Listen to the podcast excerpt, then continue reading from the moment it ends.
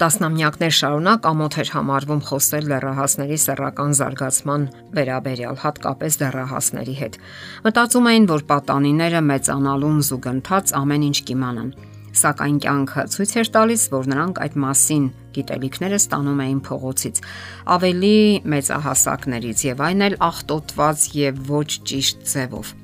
Իսկ սեռական դասերակցությունը բժշկական եւ հոգեբանական միջոցառումների մի ամբողջ համակարգ է, որը միտում ունի երեխաների, դեռահասների ու երիտասարդների շրջանում մատուցել ճիշտ գիտական տվյալների վրա հիմնված գիտելիքներ, դասերակել խելամիտ վերաբերմունք ամուսնության սեռական կյանքի նկատմամբ, ինչպես նաեւ ստեղծել բարոյական հիմքեր։ Այն հատկապես կարևոր է ներկայումս որովհետև տեղեկատվական հզոր հոսքի ազդեցության պայմաններում խիստ վտանգավոր է հենց սեռական դասյարակություն չստանալը, որից էլ ձևավորվում է ոչ adekvat հավասարակշիռ ընկալում։ Երեխաների սեռական լիարժեք դասյարակությունը ներառում է մինչև սեռական հասունացումն ընկած շրջանը Այս փուլում կարևոր են ընտանիքը, նախադպրոցական հիմնարկը։ Նախադպրոցական տարիքի երեխաներին անհրաժեշտ է ճանոթացնել հիգիենայի տարական կանոնների։ Կարևորվում է նաև օրգանիզմի կոփումը։ Երեխաներին խնամելիս պետք է խուսափել էրոգեն կամ տարփածին գոտիները շփելուց, անհարմար նեղ հակուստ հագցնելուց։ Կարևորը նաև ընտանիքում բարյացակամ ջերմ վերաբերմունքը։ Մեծանալուն զուգընթաց երեխաների մեջ հարցեր են առաջանում իրենց սեռի պատկանելության վերաբերյալ։ Նրանք սկսում են հարցեր տալ ծնողներին կապված իրենց ծնվելու հետ, ինչպես են հայտնվել այս աշխարհում։ Այստեղ ծնողները հաճախ շփոթվում են, սկսում են խուսափել կամ սխալ պատասխաններ տալ։ Այնինչ հարկավոր է պատասխանել པարզ եւ մատչելի։ Հակառակ դեպքում երեխաների մեջ միայն աճում է հետաքրքրասիրությունը այդ թեմայի վերաբերյալ։ Նրանք սկսում են որոնել պատասխանները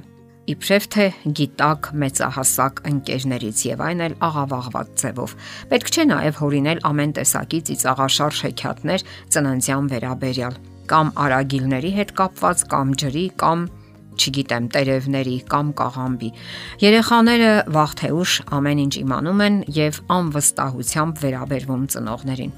Կրսեր դպրոցական տարիքի երեխաների սեռական դասերակցության գործընթացում պետք է հաշվի առնվեն ֆիզիոլոգիական ու հոգեբանական առանձնահատկությունները։ Այդ շրջանում հարկավոր է ճիշտ մոտեցում դասերակել նրանց մեջ ընկերականության վերաբերյալ, ինչպես նաև սերմանել առողջ հարաբերություններ, միմյանց օգնելու պատրաստակամություն, ամաչկոտություն, զսպվածություն եւ այլն։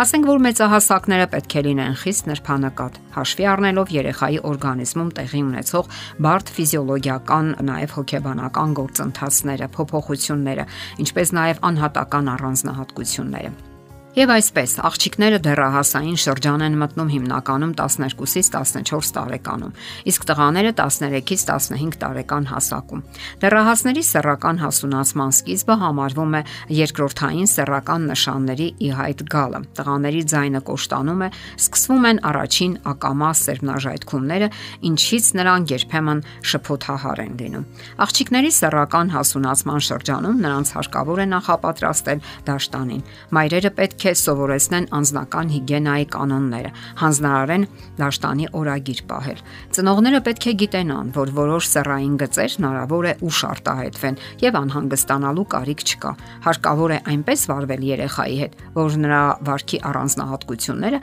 համապատասխանեն բարոյական նորմերին, իսկ ընդհանրապես պետք է կարևորել բարոյական որակները։